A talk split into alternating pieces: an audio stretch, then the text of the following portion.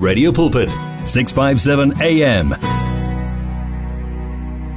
Indeed, Baba, you are all that matters. Minister GUC ubesibusisa lapho i3 songs in a row ebengikuthathele yona njoba ngishilo ukuthi eh le ingidedicatela abogogo bam bangaleke eh eBinoni ugog um eh eBinoni yes ugogo Malindi ugogo Lukhele ugogo Maralin kanye nomamhlongo. Eh ngithi ngiyanithanda kakhulu. Yapham kwakhe ke uminister GUC usibusisile uHelen ethi phahama Khosi ya dikhosi wasibusisa nokholeka ethi alibuyi lilambatha ubangani the author uthi yo what a level of wisdom from umfundisi. Eh, uthi we must enter into relationships with our eyes wide open. Kuyiqiniso lelo uthi singangeni ngomoya. Yebo kunjalo kunjalo mangethe em isigaba ke sesibili lesi isikhathi sithi 16 after 3 o'clock. Usanda kungena siyakwamukela. Awulahlekile usekhaya singumngani siphinde sibe ngumsizi. Eh sithole ku AM 657 na ku DStv siyatholakala ku audio bouquet. 882 ngishilo ke ukuthi uma ngibuya ngizobe ngino lungile eh madinani ngipronounce kahle ne? Yebo pronounce kahle. Kungabe ukuthi ngiyamosha bathi labalaleli bathi ubani manje lo am pronounce ngendlela esingayi understand hayi cha uyishayile. Ulungile madinani siyakwamukela la ekhaya. Ngiyabonga and thank you to the listeners well for embracing us with your presence ngoba mm. i believe ukuba if it wasn't for the audiences Yeah. ngaba sikho nathi lana Yeah. sibonge nomdali because at the end of the day he is the almighty Amen. and sivuka sivuka emseni njalo Yebo, kumusa wakhe. Eh abantu ngesinsikhathi umuntu uno- uthatha ukuthi ngoba uvukile kusho ukuthi yena you know unawo amandla ukuthi ayivuse sikhohle ukuthi konke lokumusa kaJehova. Lungile siyakwamukela la ekhaya ngababingelela eh zonke nje indawo laba silalele khona. hayi ngibonga nje ngi- ukuba lana nje for me is a blessing and an honor ngibingelele nje wonke umuntu from my fans you know abantu abangixhasayo ngibingelela uma wami uphumelele madinane my children waruna no ankahile ngibile ngumndeni ngibingelele nabantu esontweni ngibingelele nje wonke umuntu because nje bengisengishilo ukuthi sonke nje sivukile sivuke ngomusa. It's god's favor upon our lives that we here Amen. and uh, it's something we shouldn't take lightly. Especially after what we've gone through Yeah. with the covid pandemic and Yeah. what is still happening so akusukuhlakanipha kwethu ukuthi sibe lana so ngibingelela wonke umuntu ngithi god is leading and so are us as children Hallelujah. Eh ulungile um she's an author bazalwane. Ubhale incwadi eh, ezinemiyalezo emihle la. Already sekabhale 3 books. Le incwadi usibhale 3. Uqale nini ukubhala? So the first one i took almost a year Yeah. yeah i started writing it ngaqala i think it was 2020 yes when we started with when we were under lockdown because mm -hmm. my intention ngokuthi ngizoyenza masters degree um, on culture mm. then i decided ukuthi yazini a lot of people they going through a lot Yeah. so it's ngidedicate encwadi on my journey my life journey and experiences bese ngibonge abantu that have embarked in this journey with me mm. so be, it was more of a celebration so yiyo leyo ngayi- engayithatha for the longest time but ke the other ones that's when to God to literally took over because ngiwa ngiqala ukuzibhala December and mm. both were launched last month in January Wow. So eyoqala yilena ye spirituality, uh, Christianity and culture. no le yes That's the second one. that's the second one Yeah, the first one ithi I am Lungile Madinane and my journey continues. Oh, so um eyesithathu ile you're not breaking, you're growing. Yes, refined by my scars, yes. Mm. Hey, yeah, kusho ukuthi ke kuningi sizokuzwa la. ngalolu hambo lwakho. Um as, asiqale la ke mhlawumbe usibekele isithombe ukuthi ungubani ulungile ukhulile kuphi? Ulungile as a server from a very young age. Ngikhulele eh I was born eKatlehong originally from Swaziland but mina was born like in South Africa eh, in Katlehong. Ngakhulela um, in Primrose. So when I was very quite young uma was was moved to Primrose. Then 5 years of my life in high school we relocated sa KZN then ke ngetertiary ngabuya the side. Lungile as a server njengisho from a very young age ngikhulele eh, our family church is Salvation Army so ngikhule vele ngiyiserver meaning ngikhuliswe ngazi ukuthi umuntu yini. Ngikhule ngazi ukuthi you need to give your time you need to give your tithe and you need to give everything. Kulaba bangenakho. Then after uThixo wangimove from the Salvation Army kanti being prepare for a lot that I was going to embark in. Ngasuka at the age of 18 ngajoina a church which is called Change Bible Church. Yila uThixo waye wangisa ukuthi ngivuthwe ekholweni because of the challenges that I was going to embark in. And I'm still there 20 years later. And yeah ulungile is a mother of two ulungile is a server you know othanda uThixo ovukayo like I wake up to my callings my dreams my aspirations Yeah. I'm one person who embraces a new day because ngiyazi ukuthi usuku olusha lus- luza nezinto ezintsha yeah yeah you know yeah. ngakhuliswa uma my mom is a praying warrior ohlale esho ethi lungile in the midst of it all ubokhumbula amazwi kamdali and you need to utter certain things and uh, uma wami has always been my pillar of strength she still is you know and I'm blessed angifuni uqamba amanga because it's not every day where uba nomzalo okwakhayo ukuthi noma izinto zomhlaba zithi mina umama is the one person one of the one people that abakwazi ukuthi bangipositione ukuthi ngikho ngithandaze my mom will always say ukuthi yazi a- akufuneke si- u- u- u- undermine being a server Yeah, you yeah, know yeah. because that means you actually have superiority because uma uyiserver Yeah. it means even noThixo uyakhothamela because uThixo ubona ukuthi uvukela abantu bakhe. So mina I've always been that individual in all the roles that uThixo have placed me in. I've always been ngilo muntu loyo othi ngizosebenzela Yeah, umdali yeah. not just to collect a paycheck mm -hmm. so that's lu- ulungile ngiyamthanda uThixo uThixo uyangithanda God calls me his precious pearl because Wow. mina I'm that type of person when I speak to God ngithi God come let's have a chat Yeah. hlala lana yeah Sixoxe. sixoxe sibonisana sibonisane so Yeah. mina I'm that ngile ngile ngane kaThixo ethi yeah, let's have a chat. Yes. manje ngicela sixoxe. Yeah. And we have these phenomenal discussions. Sometimes when i relate them to abanye abantu bathe ilungile you should have been an actor. I need to know this is exactly the conversations that i've had. So ulungile man is a full package man. And and and ulungile overcame everything that was meant to destroy her. Yingakho ke wabhala incwadi la ebiza ukuthi you're not breaking but uyakhula. So kusho ukuthi nje konke lokho um eh, like ama weapon bekeza ngapha nangapha shayisana ngamabonda akakwenzanga lutho. Um sometimes you know siphila nabantu and then benza izinto bathi bayakudestroya.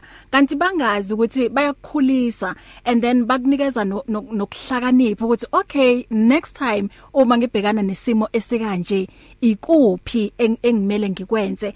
And engikuthandayo ngayo ulungile ukuthi um uma ngibuka la incwadi zakho uthe "A- angizoyilwela mina lezimpi ngoba ngiyamazi uNkulunkulu wami ukuthi unamandla and ngiyamazi ukuthi uNkulunkulu wami uzohlezi engilwela ngazo zonke ikhathi and then wathi kunjalo.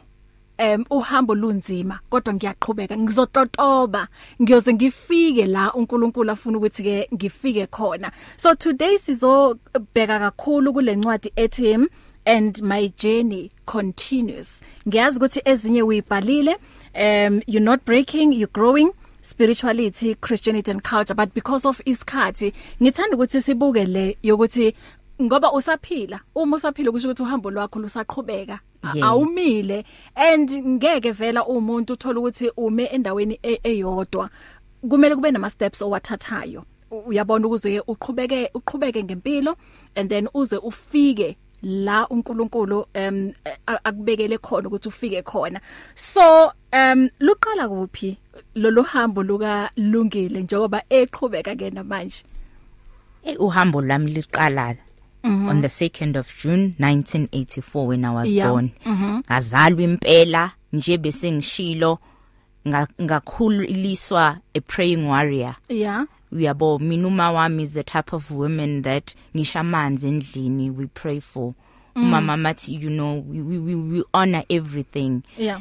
And the one thing that I yabona sometimes as ingane as as start we don't like to take pertinently. Yeah. Mina ka mawami mina nguma wami I always am my mother's daughter. Yeah. you know uma has instilled so much in me nangokungikhulisa ngokwe- ngokwenkolo you know hence I broadly say with pride ukuthi mina I'm a Psalm 139 verse 14 lady mm. fearfully and wonderfully made mm, because that's yebo. exactly who I am Yeah. do you understand Uh-huh. A- a- ang- angisweli lutho because I don't walk alone I walk with God uThixo uhlale nami so ijourney yami yaqalwa when I was born mm. you know I grew up in wealth you know Yeah. some stories abanye abantu bazoba you know mina I don't wanna lie ngiqamba mangi bantwini nasemehlweni I could I grew up as a madam mm right i had the best i Wow. still have the best mm-hmm.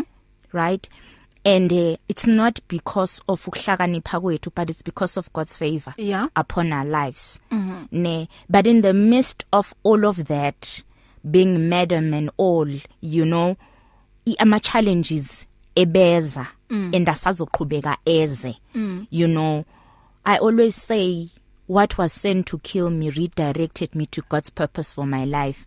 Ngoba impela wonke mina ama challenges that have gone through empilweni yami mm. avela ngakhe angikhumbuza ukuthi I'm a seed I don't die. I actually flourish. Ngize ngi- ngibe even better than I was the previous day. Yeah. So my journey continued. I grew up you know i went to varsity ngasebenza. Even how i started with my job i don't want to lie umusa kaThixo umunawe so my my as a servant of god my my CV yami ayi honest ukuthi i experience anginayo? Mm. but it stipulated what i was bringing to the table. Yeah. And this one particular manager kept saying I want that lady. Mm. So I didn't know Lindau and I'm like keep saying I I I don't know this place Mina I'm not going to go. Mm. That lady was like if I need it means I must pick her up I will pick her up. I want to see when I got and I met this phenomenal woman ngahlangana with a woman of praise U- umuntu- umntana kaThixo and she was like you know what Lungile I I specifically insisted on you because this was the most honest CV I've seen in a long time. Mm. Uyabona ukuthi when you walk with God Yeah. and God's favors upon your life, mm. awudinga uqamba uqamba manga Yeah. and act to be something that you're not. Yes. So I show I told her in my CV I was telling them ukuthi this is what I bring to the table. Mm. I-experience cha nginayo. yeah but this is what I'm bringing. And what I was bringing was even beyond because I move from that position mm. To greater heights. Mm. Until God said, "I expiry date lungile sifikile." And I had to jump, yeah you know. And even the jumping because I trusted and I had faith in God. Ngathi I'm ready and we nga jump mm. and my jumping and leaving my the my job because I've I worked for the same company for 16 years you know nga jumpa to greatness to wow. even greaterness mm. you know you know sometimes ezinye izinto uke ubuka izinto uthi I I don't think I'll make it. Mina mm. had ama, ama ama situation la ngithi cha Thixo angisujobe phela mina. Mm. And angisimbokodo mina. Mm. Mina I'm, I'm I'm very fragile. Mina like hikho ngithi mina the discussions I have with God yila where I will be like that. So my journey hasn't been easy mm. but God has always been there Wow. in my life journey engibambile.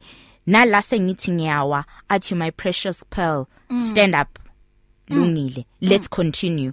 And i never gave up mina. Mina I'm a go getter yeah. Mina ngalala today impela nje ungibona ukuthi hayi cha lungilayi kusasa ekseni i show up.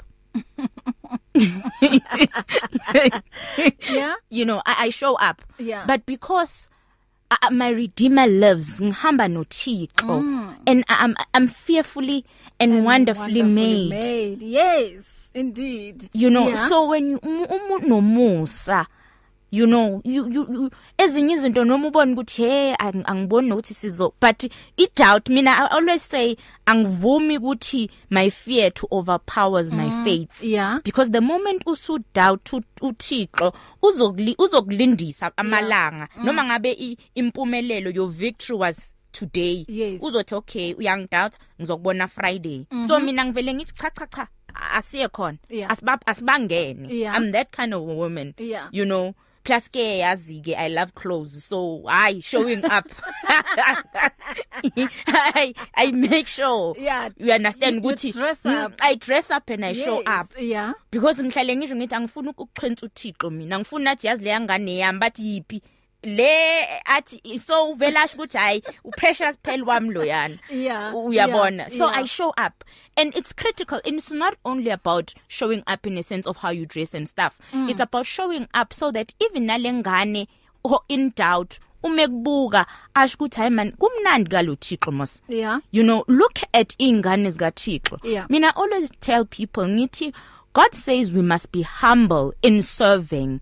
Not humble in the riches of Yeah. the world mm. meaning uThixo akasifuni sihlupheke Yes. uThixo ufuna nalokubukayo asho ukuthi hayi man ngicela ukujoina la uhamba khona bese momtshela ukuthi hayi ende la ngihamba khona mina ku free Yeah. all you need to do is praise and worship God wow wow so that wow. has been my journey Yeah. and mm, yeah mina ngishumayela anywhere and everywhere where i get an opportunity mm. where i tell people and i think la sengibeke khona in my journey after i left my job because i still namanje basangifonela abantu ukuthi lungile usure about you know you know. But I'm, I'm, I'm yakho, yeah. certain because i even asked uThixo ngathi ngambulele la ungisa khona. Ngambulele. This new chapter Yeah. that you're saying we must jump to. You know the nice thing about God is that uThixo akafuna uzumthumele ngisho WhatsApp. Yeah. njengisho ngithi mina ngiyasho ngithi come come hlala la manje asixoxe. Yeah. And the nice thing is that umdali uyazehlisa abe in your level. Yeah. Mina mangikhuluma noThixo I was even relating to my to my kuma the other day ngithi yazi God is starting to be so like me. Uma athi ngithi mina phela ngine drama ngithi but mangikhuluma naye naye sekanoku yes lungile you will not believe mom is like but that's God Yeah, you know yeah. God will become like u- ugcine ese esefana nawe so that ni connect and so that i- ube free ukuthi Yeah. ukhulume naye U- ukhuleke Ukhuleke aha. naye. Um- yazi umthulele nje konke okungaphakathi enhlizweni yakho ngithi mina ngimthulela ngize umathi cha lebo ngasafune kuxoxe naye ngabe uyixoxele nami ngayo ngithi no i need to be transparent with Yes, him so that yes, azi ukuthi yes. ifiso zami zinjani aha and uh, in this journey that i'm in which I, i- i- is the most phenomenal journey is i journey la engathi uThixo angambulele wangambulela okunye azange ube mnandi yazi and uh, wa- into engayithanda ukuthi ngathi ngimcela wangibuza ukuthi are you ready ukuthi ngikambulele because ngizokambulela nezinto even ama enemy that Yeah. you wena owabona as your friends Mm. ama enemy that you see as your relatives. Ngathi yes i'm ready. Wangambulela wangishayela ifilimu. But i thanked him because wangisiza wangakha Yeah. in that. And at the same time we understand ukuthi sometimes uThixo ukuprotector nane uhlala siprotector nje nesizintweni esingazi nokuthi usiprotector kuzo. But what he into angibonisa zona like i was shocked i was stunned. I was hurt i felt betrayed mm. but he kept holding my hand athi but ngikubuzile lungile ukuthi uready ngathi yes and Yeah. ngavuma ngathi ngiready you know but nje ngizohlale ngisho ngithi mina God is love mm. and uh, really truly speaking I'm not exaggerating mangithi mina what was sent to kill me redirected mm. me to God's purpose for my life Wow. ngoba bengeke ngize ngijumpe to greatness if I wasn't pushed Mm. you understand Yeah, lento le yeah. in each kwi life journey kunama expiry date Yeah. sometimes we hold on thina nala usubona ukuthi sekuphelile Mm. Enila ulimala khona. Yila ulimala khona. La ukuthi soku expire khona. Isikhathi sokuthi manje kumele uphume eh uqhubekele phambili. so mina eyami impilo yikho ngithi in my Facebook ngathi I am lungile madinane and my mm. journey continues because ngiyashare Yeah. mina like in my that in all my books I share even my own life experiences ukuthi umuntu angathi abolungile it's easy for them to say because they haven't gone through Mm. kade ngisha mina Yeah. but I show up the next morning Yeah. Sengisho ngisho izinto ama traps that would be set for me. Bengwajumpa nomdali. Umuntu azabuza ukuthi Undlule It's- udlule kanjani? Uzubuza ukuthi hayibo uwazelephi ukuthi bekune trap we understand Yeah. ukuthi ezi omunye umuntu ugcina ngakhona nokuyibamba. Yes. khona this other i- individual waze wathi kimi cha lo thixo wakho uyasebenza. Ngathi the nice thing is that nawe angak embrace Yeah. Yeah. do you understand Yeah. A- a- akadingi ngisho Mm. akadingi nix nje udinga ubuwena la uyitshela ukuthi God hold my hand Yeah. here I am Yeah. mina mina umdali ngiyamthanda Amen. because in the midst of my pain in the midst of my trials and tribulations Yeah. siphuma even even better Yeah. you know mina ngine ngine this glow kamdali ngisho ngifake livaseline um- umuntu athi hey man lungile ngithi yes that's God's p- glory Yeah. upon my life Yeah. and I'm not apologetic about it because it's true Mm. you know God's favor upon my life ingenza ngibe muhle nami ngize ngisho ngithi hayi cha iphumelele hayi hayi Hayi, umuhle, umntana umuhle, umntana kaphumelele muhle man you, you get Aha. what i mean Yeah. so my book really ngi- ngishare my life Mm. and more than anything ngishare nama lessons Yeah. ukuthi la ngasha and these were the lessons Mm. la this is what because ezinye izinto remember siyayifaka nakuzo nathi Aha. you know uthixo akubonisa ama red flag Mm. and some mina ke i always say i lay challenging I, can handle Yeah. but god doesn't want us to take all challenges mm. you know so the greater thing ngami is that mina ngiyakwazi nokubuyela emuva ngithi hey god ngicela ungikhiphe ngiyifakile ngikhiphe manje you know? because of the conversations we have you know? So ngiyakwazi i'm not i'm not apologetic and uyazi naye mina futhi ngize ngimtshenge ngithi i think mina ngile ingane ezihluphayo Yeah. ngoba kokunye uthi no ungayilungile. Ngithi hayi man asike nje si- si- sibone. Mm. athi okay hamba. Mase ngibuya ngisha ngibuyela kuye futhi ngithi ichawushile Uthi yeah. ukuthi ngizosha so i'm sharing all of this and especially you know because s- we all go through challenges Yeah. and um, angifuni umuntu abone ukuthi when they going through the most ukuthi there's no light Yeah. there's always a light mm. And nje there's also the saying ukuthi after every storm kwenzakalani? Yeah. kuyakhanya. Kuyakhanya. And eh, ku yazi kunombuzo la obalekile okuwukuthi kunabantu abaningi uma ungaya kuyena nje wambuza ukuthi awungitshele dadewethu o awungitshele mfowethu ngabe uyazi ukuthi why ula emhlabeni? Ipurpose yakho uyayazi ula emhlabeni. Abantu abaningi kuba nzima. Ukuphendula lo mbuzo. And la encwadini yakho ubuzile ukuthi uh, what on earth am i here for? Labo uzibuza wena. Ngangiyibuza at the same time i was also re relating ngixoxa nomdali. Yeah. Ukuthi kahle kahle ngambulele ukuthi what is my purpose? Yes. Yes i know i'm a server Yeah. but yeah. what is it that you want me to do? Mm. so in life it's always good ukuthi uku reflect yeah. Uyibuze imibuzo because you know u- u- uma u- u- uyibuza uyakwazi to be true to self. Yeah. If you're an honest person nakhona.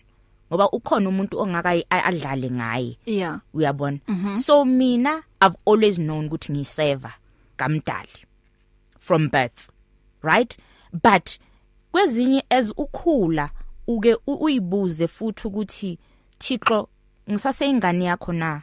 What is my purpose now in this journey in this chapter yini le ofuna ngiyenze ezingane yakho so mina i always mina ngi- ngihlale ngi- ngi- ngimbuza umdala ukuthi ngisase right na Yeah. even in the midst of my pain there was a time where i asked him ngithi do you still value me Mm.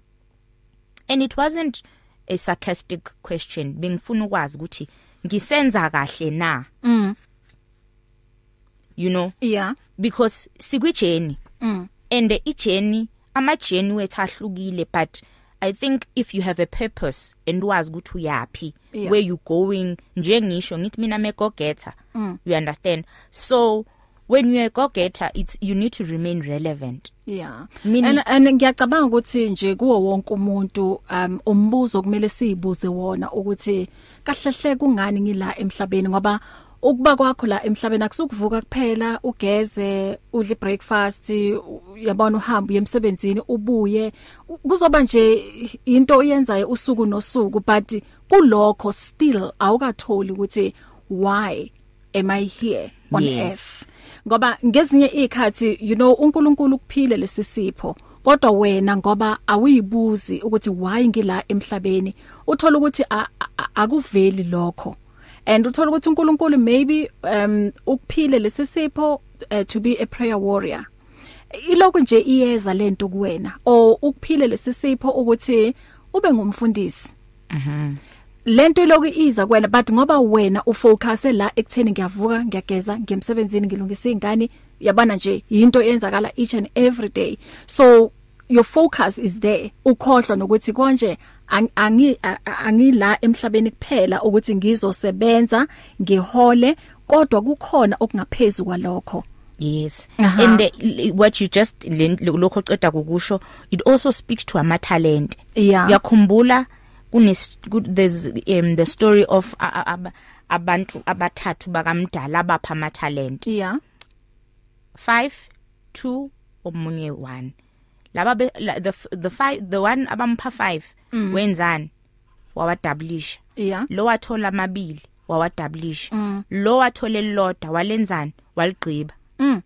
so even your purpose it also speaks to that. Yes. ukuthi if umdali ekuphe something what are you doing to ensure ukuthi you multiply it? Amen. mina yikho ngithi i'm not apologetic. Mina ngizange ngizodlala emhlabeni. Mhm mina i'm here to serve to wake up to show up mm. and to deliver.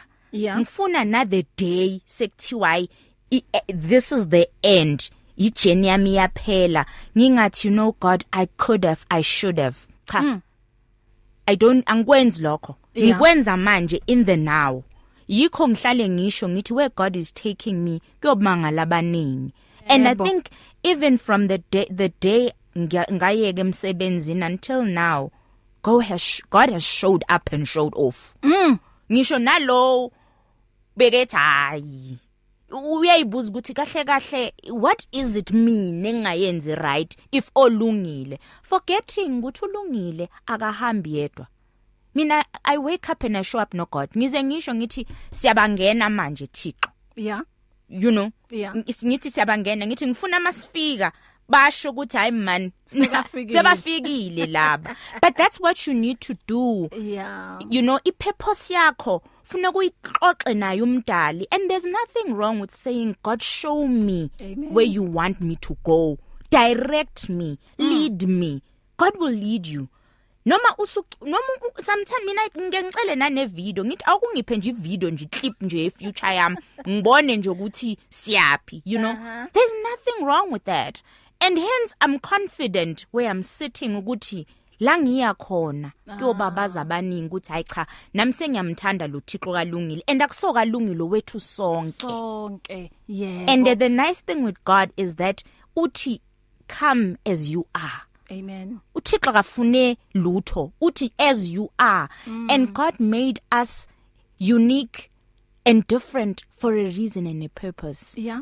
Yikasithanda kanjalo. ukuthi sihleze siyithobile singayiphakamisi thina kodwa kube uyena. Okuphakamisa yes and then uma esiphakamisa thina kusho ukuthi udumo luba kuyena. Ngoba yabona njengoba ukhuluma kanje awuthi mina uthi uNkulunkulu nguyena owenze ukuthi kube kanje. Ngaleyo ndlela udumo luba kubani kuyena. Not kulungile.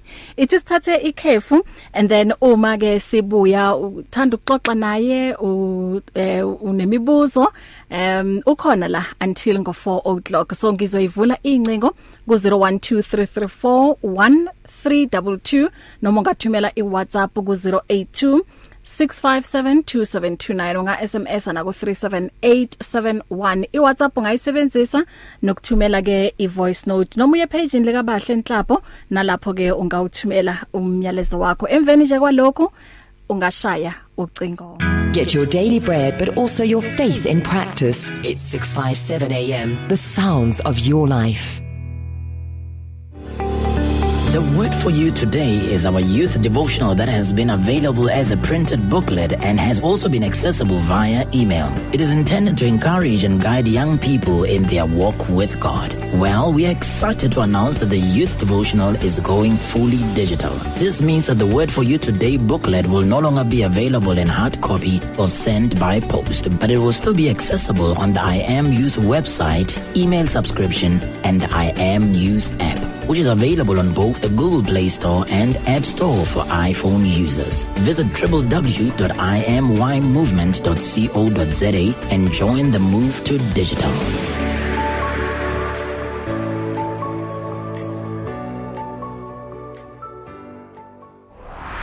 Radio buzzing of life 657 AM Sinolungile Madinani ubhaleke incwadi ezintathu so far as spirituality Christianity and culture. Wabhala enye ethi you not breaking you growing. Um nenye ethi I'm lungile Madinani and my journey continues. Ulungile overcame everything that was meant to destroy her. What was sent to kill her redirected her. To God's purpose for her life. She flew like an eagle as she had faith and that all things are possible through Christ. Akukho kumehlulayo. akukho Wazi konke. ah Unamandla onke. Yo. Um 0123341322 eh njoba ngisho ngithi um 4 o'clock ngiyamdedela so ngasebenzisa ke um lemizuzu esele asithi nje plus minus 10 minutes. 0123341322 012 double um 8699 ungathumela ne WhatsApp i voice note ku 082 6572729 unga SMS na ku 37871 ubongani the author uthi her favorite line is God is leading and so are his people. Thank you young lady for sharing your testimony with us. Naye ke ungomunye wababhali bongani the author. Yam 0123341322 uma ke uthanda ukuxoxa nosesilungile ungashaya ke ucingo kwamanje. So um kunabanye abantu lungile uthola ukuthi uma kuba nzima empilweni umuntu uzofuna ukuthatha an easy way um ukuthi andlule mhlambe kule challenge andlula kuyona. Uyabona kule insuku isibalo sabantu abacommit isuicide siphakeme kakhulu. So abanye abantu bacabanga ukuthi uma mhlambe umuntu ecommit isuicide kuzondlula konke and then you know akasa akasayobhekana nama challenges angeke asabuzwa lobu buhlungu you know and and all and all those. And wena ke engi engikubonile ngawe la ukuthi nanoma bezikhona izinto bezikuchallenge kodwa azange. Njoba usho uthi bona uyasukuma you dress up uyawakuka amasokisi kodwa komunye akubi lula ngaleyo ndlela. So ungathini nje kuloyo muntu kwamanje mina the i, the best advising amupha umuntu ukuthi be vulnerable kumdali. Yeah. Yeah sometimes we tend ukuthi abantu umuntu moya komunye umuntu yomtshela inkinga zakho sometimes angakuhleka or a react ngenye indlela. Mina ngiyakhala kumdali you know i worship yeah. you know and into emnandi ngokuthi ukhale kumdali ukuthi uThixo uzokukhamfatha ngendlela that no one can ever do for you. Yeah. And the into enye emnandi ngoThixo is that God always says ukuthi in the midst of your pain and your trials and tribulation I'll mm. be there mm. so mina i- i- i- into engenza ukuthi ngi ngi we- show up and wake up the next morning is because I don't let go of God's hand noma sengisha ngithi as- asisheke sobabili you know and uh, but more than anything ngiba true to him ngisho ngithi ukhumbule njalo ngisujobe do you understand Yeah. but there's one thing mina I'll always say, say ukuthi kukho konke bambelela kuye and read your bible. Worship you know u- u- u- worship is very for mina iyenze imanga ucula i'm not really much of a singer but when i do i connect noThixo. Nepain engiyifeelayo ngizwe ukuthi hayi khona okwehlayo. Ngimuzwe ekhuluma nami.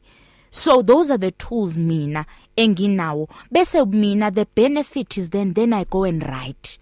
Ngibhale. In the midst of my pain and tribu and trials and tribulations ngiyabhala mina. Ukuthi ngikwazi ukuthini ngisize nomunye that may be facing what i'm currently going through. Ngikwazi because yabona mo- mo- mowenza into immediately as it happens you able ukuthi umuntu um, um, umguide ngendlela. Yabo the last two books that i wrote i was going through a lot. And benginemibuzo eminingi. But uThixo wangiphendula through my own books. Uma mhlawumbe ungasibeka esithombeni what were you going through? Angithi ngathi uThixo angambulele. Yeah. Wangambulela izinto ama challenges that i was going through. Uyabona the people that abanencwadi zami bayazi i always refer refer to i7 July 2021 mm. That day ngabe ngashona. Mm. You know ngahlanya. I lost my mind. Ngangise meetingini mm. But in the midst of that i was able to excuse myself. Ngithi Thixo ngambulele. And at the same time i was able to say ungavumi ngamthixo yeah. And i called that on him ngathi ngiyakudinga angazi kwenzakalani ngami but ngiyabona ukuthi angikho right. And god showed up and showed off.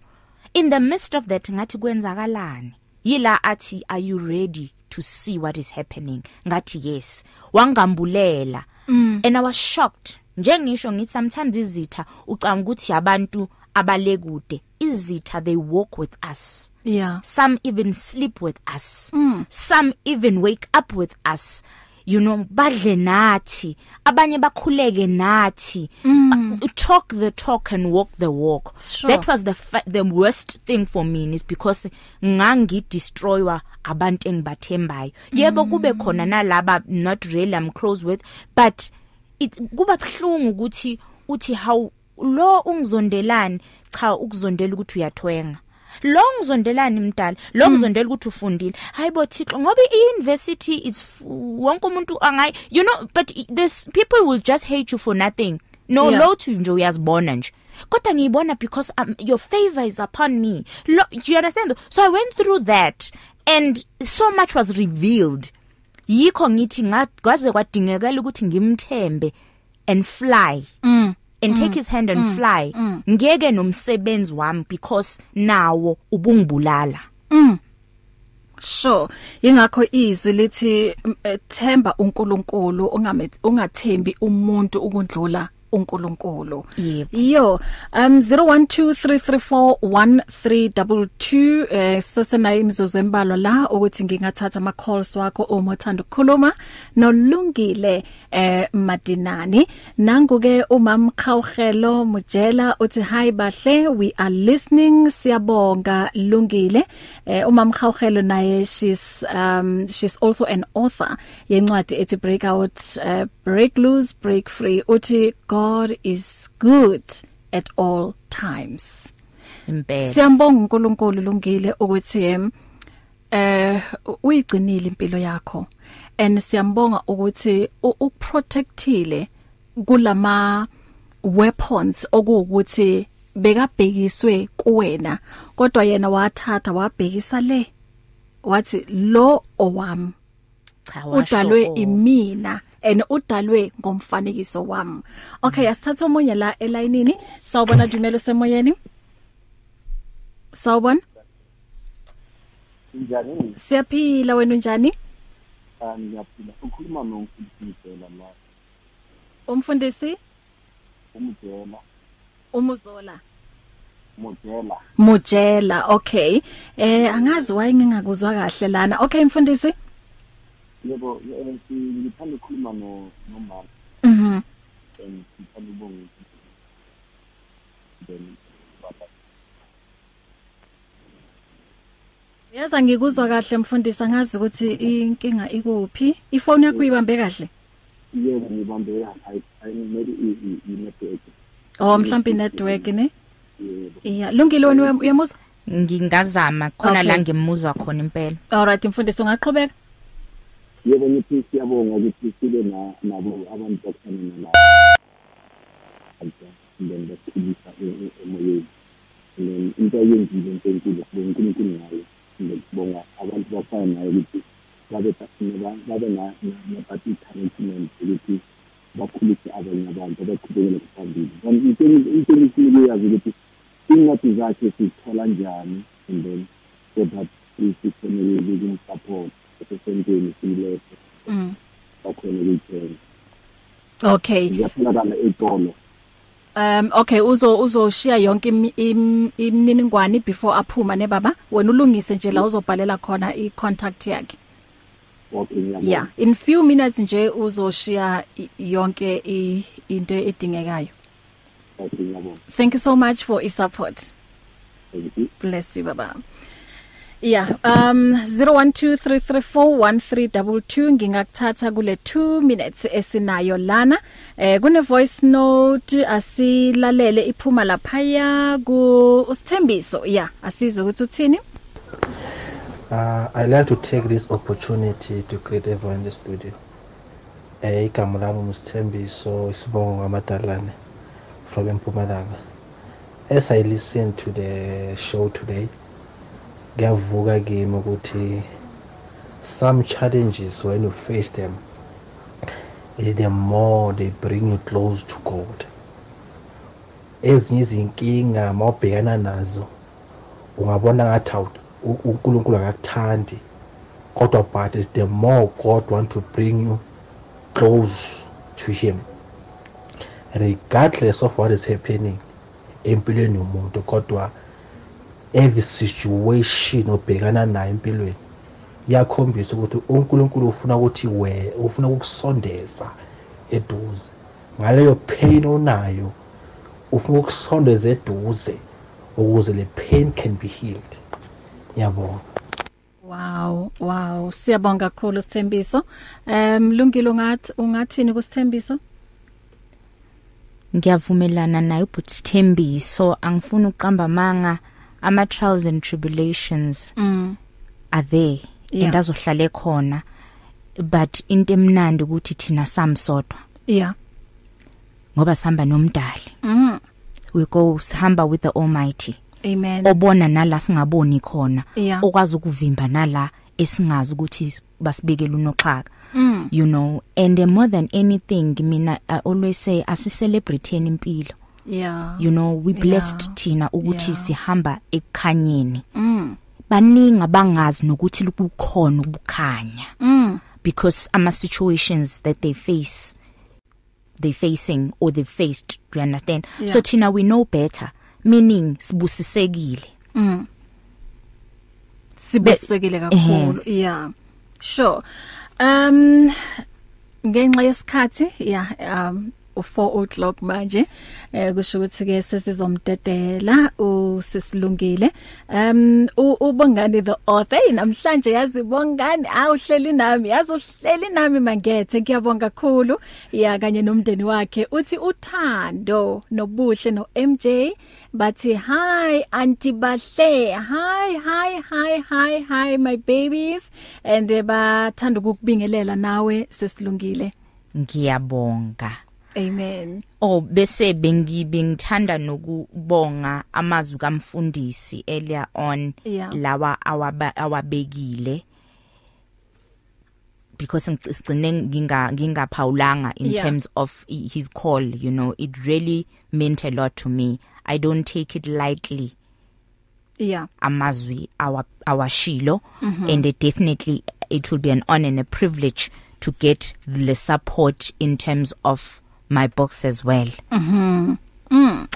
Ithi ke ngifunde la from eh, encwadini yakho amanye wama lines owabhalile la eh la ku chapter 7 um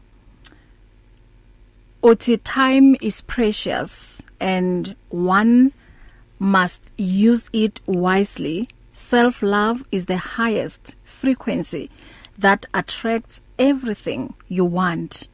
Devote time to loving self. I loved it. As self love is important always do the right thing even if it means flying solo. The world can change quickly. The small moments are important. Never stop trying. Learn from your past. Give back generously.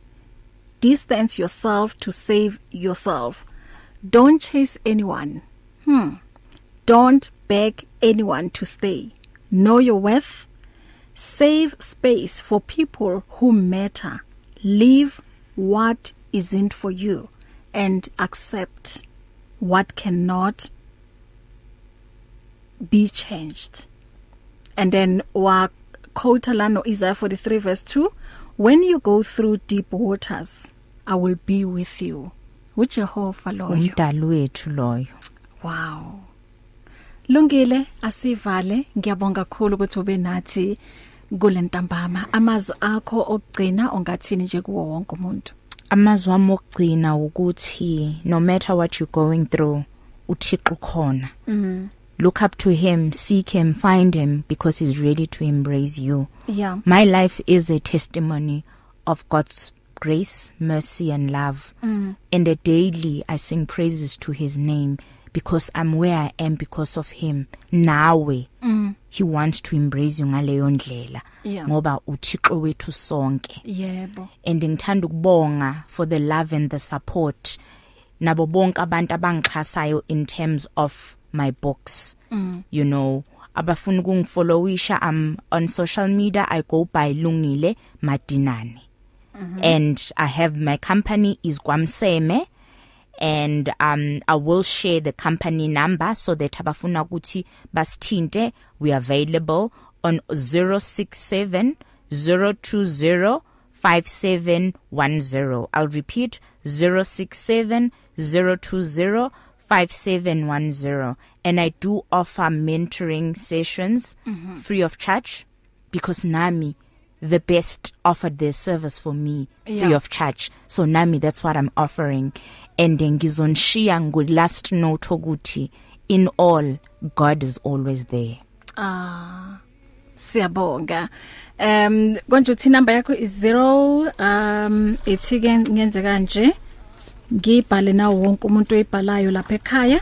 I'll okay ngizo um repeat ikakhulukazi laba mhlawumbe abangafuna incwadi 07 it's 067 067 020 Okay sizoyiqedelela ithi ngithathe lokugcina la elayinini No sawubona problem. Dumelo semoyeni Yebo mama ninjani? siyaphila ma wena njani Ya, ugogo la. Ngicela Ugogo. ukuthi ngisho kahle le number ngizoyinikeza abazukulu bami. Oh yes uzoyiphinda Ngiyacela, yebo gogo ngiyacela. Abantu ngisho liphangisa asibambi Eh. Hey gogo hey iline yethu namhlanje angazi yenzani a- awuz- ayizwakali kahle kodwa ngikuzwile uzo ngizowaphinda futhi ama number ne? Ya ngifakele nesitaba yebo sesi yebo ma. Yebo gogo. Okay siyabonga. Okay angazi ukuthi line yethu namhlanje i- i- injani. Okay um ithini number 067 inamba ithi 067 020 020 57 57 10 10 0 6 7 yebo. 0 2 0 yebo. 5 7 1 0 yebo Angithi ngenzela ukuthi ugogo akwazi ukubhala naye lapha ya. Ingakho Hayi, ngiyibiza slowly. impela bakithi ibusiso zethu zezulu bakithi ogogo Yebo. Ya ngiyabona ukuthi ngathi eh, i i- i line yethu i i- i down namhlanje. Ngiyabona nama WhatsApp ayaphuza ukungena eh, nama line wethu nje akazwakali kahle. Kodwa ke konke eh kusebenzelana ukulunga. Em lungile thank you so much. Uqhubeke nje ubhale incwadi ukuze abantu bazo bazothola kakhulukazi ihealing ngoba kuningi esibhekana nako la emhlabeni and njoba bewukhuluma nangale pandemic kuningi ok- okumoshekile. And then kushiya abantu nje banama scars kushiya abantu nje uyazi hey kuningi okwenzakalayo. So thank you kakhulu ngokuthi usibhalele incwadi ezifana nalezi. Ngempela nanoma kunzima uhambo lona liyaqhubeka. We soldier on impela. Nomdali. Hayi on our own. Amen. with god hayi Thank you. Um singena ke esigabeni sokugcina njengoba selishayile elesine ihora. Eh ngizobe ngino Mr Romeo Mabasa namhlanje uhamba solo eh umam Faith Mabasa akekho. So sizoqhubeka nje nendaba yethu eh si unpack nje mm, about uthando, relationships and marriage sibheke ke ku um relationship framework. Umbuzo wami ke namuhla engu engikubuza wona ukuthi ikuphi ongathanda ukuthi uhlale phansi ukukhulume nomlingani wakho nibonisane um umbuze nje izinto and then abe honest nawe akuphendule. And uma kukhona nje eningavumelani ngakho kungaba um about a culture kungaba about um uh, spiritual things kungaba about um sexual academic um cultural mentality izinto ezinjalo. And then mhlambe eh kule kulezi kukhona nje ongavumelani nakho uzokwenzani? Uzo uzothini ihlukane noma ke uzocompromise asizwe ke ku Mr Romeo Mabasa uzongena ke emveni kwalomhlabelelo One vision, one voice, one message. Radio Pulpit 657 AM and 729 Cape Pulpit, impacting lives from Gauteng to the Cape. If you need prayer, please send your request to prayer at radiopulpit.co.za or WhatsApp 067 429 7564 or go to Radio Pulpit website on www.radiopulpit.co.za.